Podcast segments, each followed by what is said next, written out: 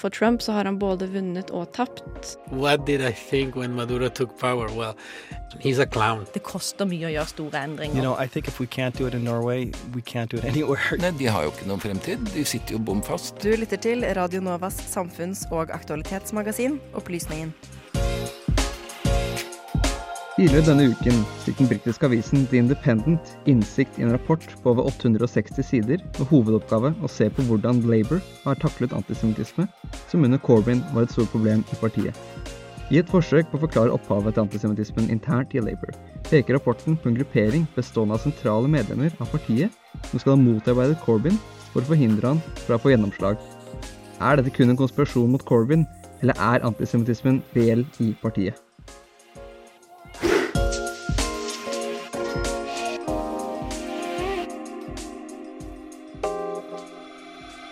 Se for deg at noen i partiet ditt går aktivt imot deg.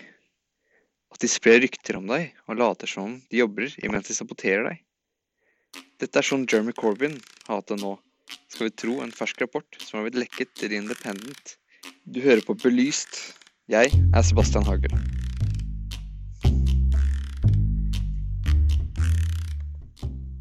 Som du har nevnt, så er dette en 860 sider eh, lang eh, rapport som har blitt lekket til eh, avisa The Independent, som er en veldig sånn partipolitisk eh, nøytral avis i Storbritannia. Og denne rapporten er da også bekreftet Du hører her opplysningens journalist Sander Zakaria. Han har en forkjærlighet for Storbritannia og britisk politikk, eh, og har gjort seg opp noen tanker om denne saken. Antisemittisme i partiet. Noe av det som kommer veldig tydelig fram i denne rapporten, er at Jeremy Corbyn eh, har hatt stor motstand internt i partiet, som fanger veldig bredt politisk. Og det, finner, det eh, rapporten da gjør klart, er at det er flere her som har forsøkt å motarbeide Corbyn slik at han skulle gå av. Mye av dette skal ha foregått rundt valget i 2017. Og det de har gjort, er at de rett og slett har gitt penger til kandidater som tilhører Labours høyreside fremfor Corbyns allierte. Mye av det vi vet om denne rapporten, det vet vi nettopp fordi at det har blitt lekket store deler av karse, da, eller data, fra, fra meldingstjenesten WhatsApp. Hvor da flere av disse medlemmene skal ha hatt en gruppechat.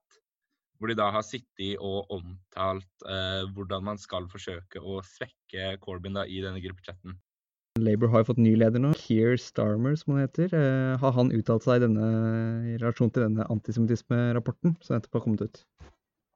Uh, Keir Starmer, uh, Det viktigste å huske med Keir Starmer er det at han, er mye, han ligger mye mer til sentrum i det politiske landskapet enn det Corbyn gjorde, og han har hatt en mye større oppslutning rundt seg. Uh, og Keir Starmer han har da gått ut i etterkant av dette her og snakket om at dette er et parti som er utrolig fraksjonert, og at hans kampsak på en måte for Labour nå fremover må være å stoppe splittelsene i partiet og samle partiet felles under en, ta, eh, under en fane, i motsetning da til at det skal være så kraftig fraksjonert som det Labour er nå. Men da anerkjenner, da anerkjenner Keir Starmer denne rapporten som et faktum, da, på sett og vis, at disse, dette har skjedd? Ut fra Starmers uttalelser, ja, så vil jeg si at han anerkjenner denne rapporten. Men samtidig så er det jo ikke til å stikke under en stol at dette med fraksjonering innad i Labour er også noe man har kjent til før denne rapporten. Labour har vært fraksjonert siden Blair eh, gikk av i 2007.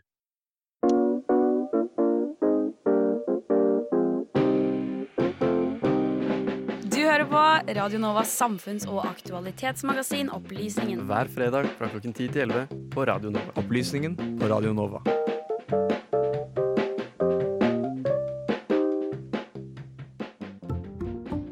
Antisemittisme er et av de begrepene som er helt umulig å definere objektivt empirisk. Store norske leksikon omtaler det som en betegnelse for fiendtlige holdninger og handlinger rettet mot jøder fordi de er jøder. Der står det også at begrepet kan brukes om alt fra kulturelle forestillinger om jøder til direkte trakassering, segregering og voldelig forfølgelse. Altså kan også en anklage om antisemittisme være temmelig diffus imens en antisemittisk ytring eller handling fremdeles er umiskjennelig når du ser eller hører den. Ok, Dersom spørsmålet ditt er dukket antisemittismen i Labour opp pga. Corbyn, så er svaret nei.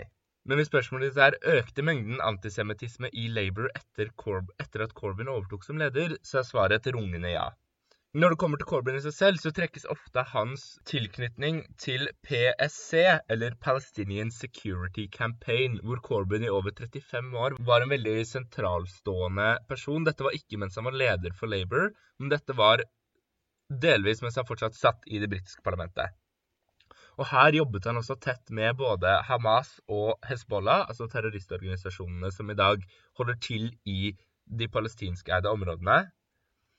Og Corbyn omtalte disse organisasjonene her som venner, men sa at han ikke var enig med dem.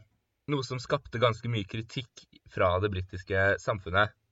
Men etter at Corbyn tok over, så begynte virkelig mengden antisemittiske utsagn å øke fra Labour.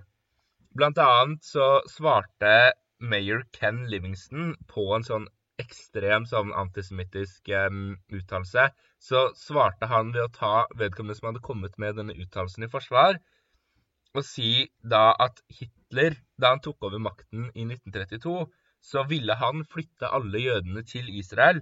På det settet så var han en sionist.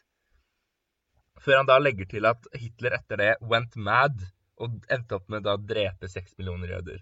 Denne uttalelsen her ble veldig veldig kraftig kritisert.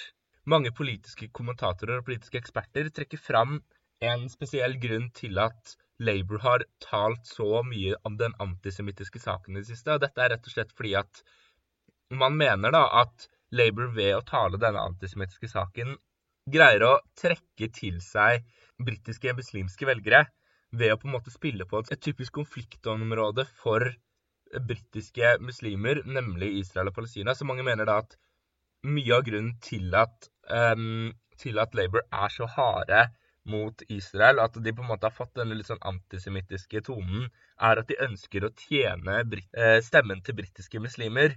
Men så er det viktig da å understreke, som jeg sa, at selv om det virkelig økte mengden antisemittiske uttalelser etter at Corbyn tok over på makten, så har den også i løpet av Corbyns periode senket seg litt. Så Mengden antisemittiske uttalelser er fortsatt større enn det den var under Tony Blair, men den er desidert mye mindre nå enn det den var i starten av Corbyns, av Corbyns lederskapsperiode. Starmer møter jo nå en eh, litt vanskelig tid framover, da flere av medlemmene nevnt i eh, denne rapporten faktisk truer med søksmål mot eh, Labour. Kan du utdype litt rundt det? Hvis vi kan hoppe litt sånn litt sånn inn i et konkret eksempel her, eh, så er det da lekket bl.a. en samtale fra valgnatta i 2017 i denne gruppechatten som disse har hatt.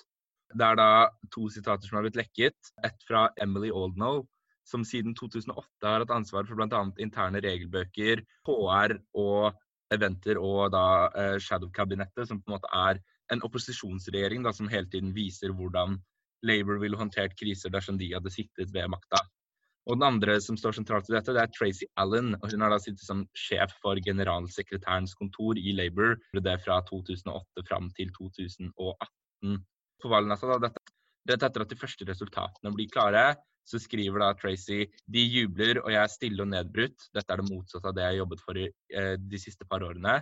Og Emily svarer da vi må være glade og ikke vise det. I det minste får vi mye penger nå. Og flere av medlemmene som er nevnt i disse dokumentene og trukket fram gjennom disse gruppesamtalene, eh, varsler at de vil gå til en rettslig gang.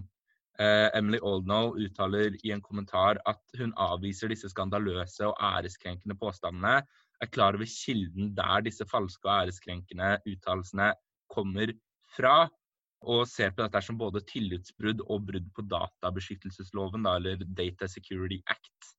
Og sier at hun har til hensikt å ta rettslige skritt både mot kilden og alle de som ønsker å republisere disse falske anklagene. Altså er det mange nå som varsler at de vil gå til sak mot Labour, og Labour frykter nå da for sin økonomi som en konsekvens av dette. Eh, nei, det er ikke det. Denne rapporten har på en måte blitt lagd over de siste tre månedene. Um, Corbyn annonserte etter valget i desember i 2019 at dette var det siste valget han kom til å stå som Labours leder, rett og slett fordi at Labour da eh, mistet veldig mye oppslutning. Labour tjente veldig mye oppslutning ved valget i 2017, til tross for disse, dette arbeidet mot Corbyn, men tapte ganske kraftig i 2019 og mistet da på en måte mistet den store opposisjonen de sto til i de konservative, og de konservative fikk rent flertall i det britiske parlamentet. Um, og Da varslet Corbyn at han ville trekke seg, og kort tid etter det da, så begynte arbeidet med denne rapporten. Corbyn er ikke lenger et problem. Antisemittismen forblir et problem i partiet, tror jeg man ganske sikkert kan si. Tusen takk til deg som har hørt på denne episoden med Belyst. Vi er Opplysningen på Radio Nova og kommer til å fortsette å publisere denne typen innhold helt til vi får hatt vanlige sendinger igjen. Vi har i denne episoden hørt fra Sander Zakaria. Jeg har vært Sebastian Hagel.